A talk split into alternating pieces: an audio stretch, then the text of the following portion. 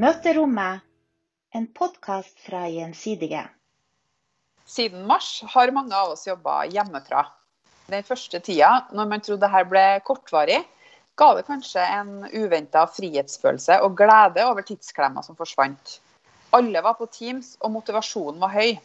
Men tida går, og plutselig er det ikke så greit med digitale kollegaer og kaffepause akkurat samme sted vi var i går. Ja, for hva gjør man egentlig som leder når alle medarbeidere sitter spredt rundt, og du skal engasjere og motivere gjennom noe så upersonlig som en skjerm? I dagens episode skal vi snakke med en av de som får det til, og som skårer høyt i vår månedlige medarbeiderundersøkelse My Voice. Linda Engen, du er leder for eiendom og ansvar i privat. Hjertelig velkommen til møterommet. Tusen takk for det. Eh, aller først, hvordan har du det? Jeg har det bra. Eh, koser meg egentlig litt på hjemmekontor akkurat i dag.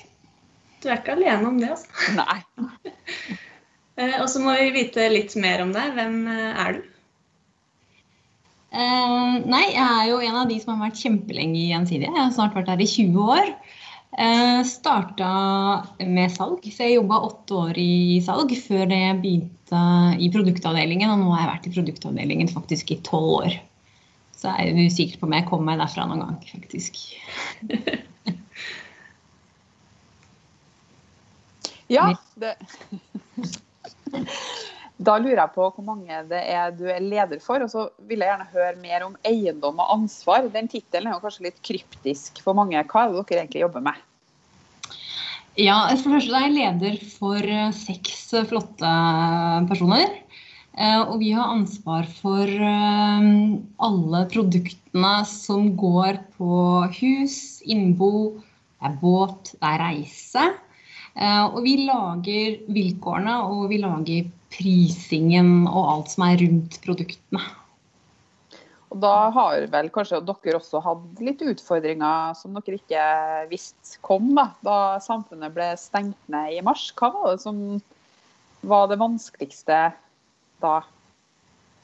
Det vanskeligste da var det jo Anne Løvdahl som fikk, som er leder for eh, Reiseproduktet.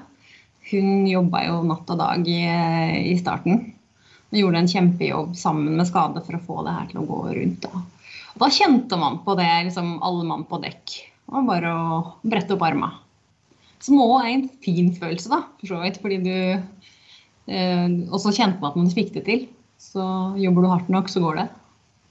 Fikk du noen sånn panikktanker knytta til det at nå skal folk på hjemmekontor, og det skal skje på fast basis, iallfall etter hvert da, som det ble mer og mer tydelig at man eh, skulle holde seg unna kontoret. Altså det, jeg hører at mange ledere har snakka om at de mista litt kontrollen og syntes det der var litt vanskelig, rett og slett.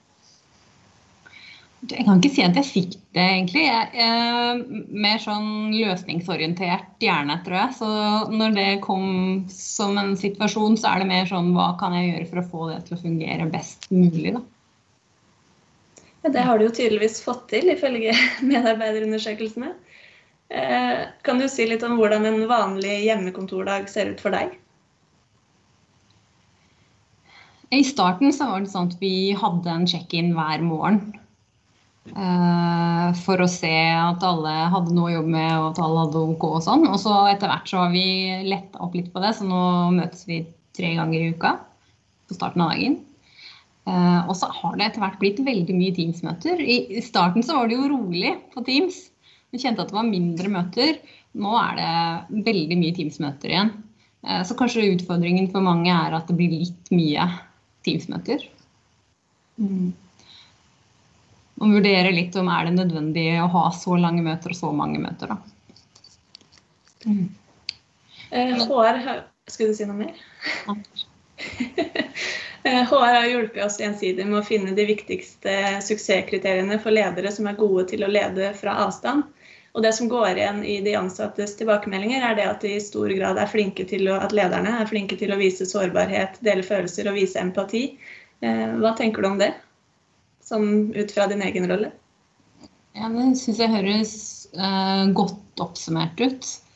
Uh, at alle kan prate åpent med hverandre om hvordan man har det. Være interessert i hverandre og, og hvordan man har det.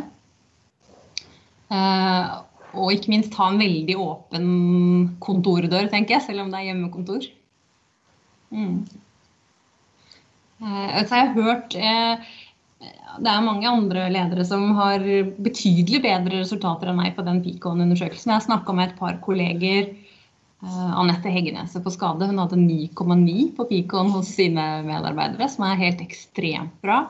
Uh, og Kjersti Hillestad, som leder en gjeng i Danmark, har klart å få bedre resultater under, under pandemien enn det hun hadde før.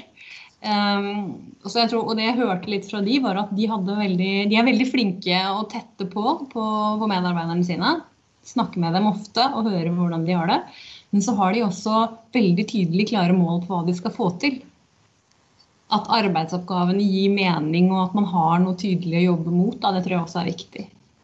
Mm. Har du tenkt eh, noe på hvordan du leder på avstand kontra hvordan du var da alle var til stede fysisk? Er det noe du har gjort annerledes, eller? Ja, jeg tror det vi har vært heldige med, var at vi var så tett knytta sammen på forhånd. Eh, det var en gjeng som brukte mye tid også privat da, på å, å knytte bånd. Og vi kjente hverandre godt. God takhøyde og alle trygge på hverandre. Og at kollegaene vil stille opp om det er noe, om det så er mye å gjøre eller om man har en dårlig dag. Da tror jeg det er litt lettere også å gå over til å, å sitte på hjemmekontor. Da. Lettere å forstyrre kollegaene og spørre om hjelp, eller når man har det grunnlaget fra før. Men, men jeg har alltid vært uh, veldig opptatt av at det skal være gøy å være på jobb òg. Og da må man jo forsøke, selv om det ikke er like lett nå, så må man forsøke å fremdeles ha det gøy, da, selv om man sitter på de Teams-møtene. Hva mm. tenker du om dem som kanskje ikke har den der kulturen, eller det samholdet du snakker om? da, De lederne som eh, eh, sleit fra før med å samle sine medarbeidere. Jeg vet ikke om det er kanskje noe du har snappa opp via andre, men hvordan, hvordan, kunne de ha gjort det hvis de kjenner på det at det i utgangspunktet ikke var så sterkt samhold? Og så nå skal de prøve å samle alle på det digitale universet. Ja, kanskje du gjør litt sånn som det Anette og Kjersti har vært inne på. At, at, du prøver å finne et felles mål som man jobber sammen mot, som, som, som knytter man sammen. Da. Eh, og så ser jeg jo det at det å plukke opp tips fra andre Jeg ser jo folk er flinke på å være kreative på, på hjemmekontor. Og noen deler også eh, godt på det, liksom. At de har felles gåturer sånn, på Teams, eller de har hatt noe spill, eller så det å plukke opp av andre, tror jeg, og det å være nysgjerrig på hva andre ledere gjør, da, har den samtalen. Hva gjør du? Tre, ikke, alle trenger ikke å finne opp kruttet alene. Så. så du åpner nå for at andre ledere kan ta kontakt med deg hvis de trenger litt råd? Absolutt. ja, så bra. Hvor ofte snakker du med medarbeiderne dine nå, både i fellesskap og eventuelt hver for seg? Ja, som sagt så er det faste møter tre ganger i uka hvor vi er samla hele teamet. Uh, og så har, har, vi prøvd å være litt hyppigere på én-til-én-møter. Uh, for å høre bare hvordan, hvordan har du det nå? Det, har du alt du trenger for å slippe å vondt i nakke og skuldre? Og, og at kontoret fungerer så godt som det, som det kan. Da.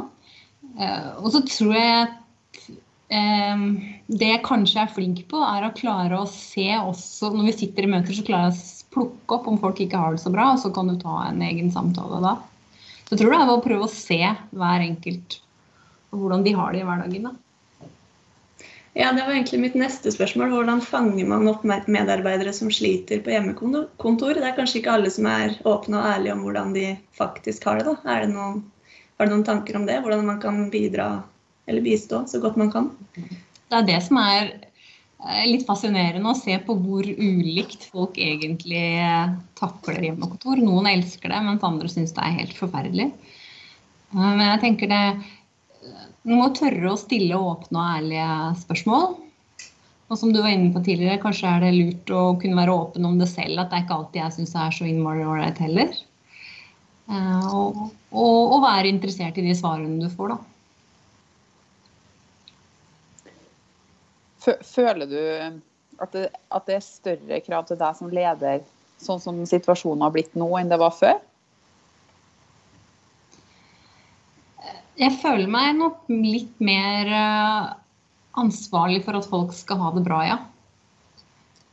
Eh, at, at, eh, og at det blir en mer aktiv oppgave, det å passe på at folk faktisk ikke går på veggen hjemme. Mm. Det høres ut som på mange måter, selv om koronapandemi og isolasjon fører med seg utfordringer, så iallfall for din del og refleksjonene du har gitt oss her i dag, så er det også en del positive lysglimt. At man faktisk kan komme tettere på sine medarbeidere og finne ut hvordan de egentlig har det. Og Da tenker jeg på litt tida fremover. Hva tror du om arbeidssituasjonen da? Kommer vi til å være mer på hjemmekontor, eller er det mer sånn rom da, i organisasjonen for eh, større fleksibilitet? Det er jo kanskje det allerede har blitt, da, men hva tenker du om det? Ja, det, jeg tror i utgangspunktet det. Og særlig når du ser hvor unike hver medarbeider er i forhold til hva de trives med. Altså, så gir det liksom mening å åpne for at man har større fleksibilitet også. Samtidig så tror jeg det er viktig, sånn som Helge også sier, at det, det er noe spesielt med å treffe hverandre. Uh, og at det utløser ofte ekstra For mange ekstra energi, litt ekstra kreativitet. Sånn at jeg har ikke noe tro på 100% hjemmekontor i framtiden. Men, eh, men, større fleksibilitet, det har jeg tro på. I forhold til hva folk trives med, og hva som passer i hverdagen. Eh, apropos, apropos fleksibilitet. Der, eh, jeg vet ikke om du tenker så mye på det selv, men mange tenker kanskje at andre kollegaer gjør andre ting i arbeidstiden når de er hjemme på hjemmekontor? Om de kanskje setter på en vask, vasker litt. Er, har du noen bekymringer rundt det? Jeg ser at Det kan jeg 100% si at jeg har ingen bekymringer for når det gjelder hjemme. Av og til er jeg mer bekymra for om de jobber for mye. Mm. Ja, det er også en utfordring, merker jeg selv. Det er vanskelig å skille jobb og fritid når man jobber hjemmefra. Mm. Det er helt riktig, og det tror jeg mange kjente på, særlig i starten. Hvor det var mye som skjedde. Og, og, og, det var ikke så veldig mye annet spennende som skjedde på fritida heller, så kan like godt jobbe. så ja, for mange så ble det nok veldig mye jobb da. Mm. Nå har jo du vært inn på flere gode ting man som leder kan gjøre, men jeg lurer på helt til slutt, da. Eh, hvis, hvis, det er en leder som hører på det her og syns det er litt sånn trått å få gjengen med seg, hva er hva er det beste tipset ditt? Eller hva kan, hva kan, hva kan man gjøre i dag for å gjøre, gjøre, ting litt bedre for seg sjøl som leder, og også for sin, eh, sin avdeling? da? Fra en leder til en annen. Nei, altså Som leder så tror jeg det er viktig bare å prøve å se hver enkelt da, og tørre å spørre hvordan folk har det. Men noe vi gjorde i avdelingen vår nå som jeg syns så veldig lovende ut, er at vi delegerte litt. Eh, jeg og Øyvind, som er min leder, satt og diskuterte er det riktig at han og jeg skal finne på alt det gøye vi gjør.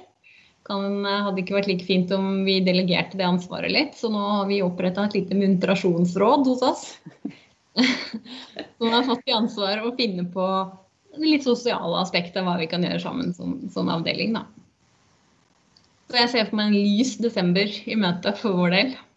Fantastisk. Men da er det jo bare å håpe at det etableres en drøss av muntrasjonsråd eh, rundt omkring i en sideland fremover. Så bare mm. si tusen takk på vegne av oss i møterommet for at du kom og prata med oss i dag. Og god arbeidslyst på hjemmekontoret. Takk skal du ha. Takk det samme. Takk.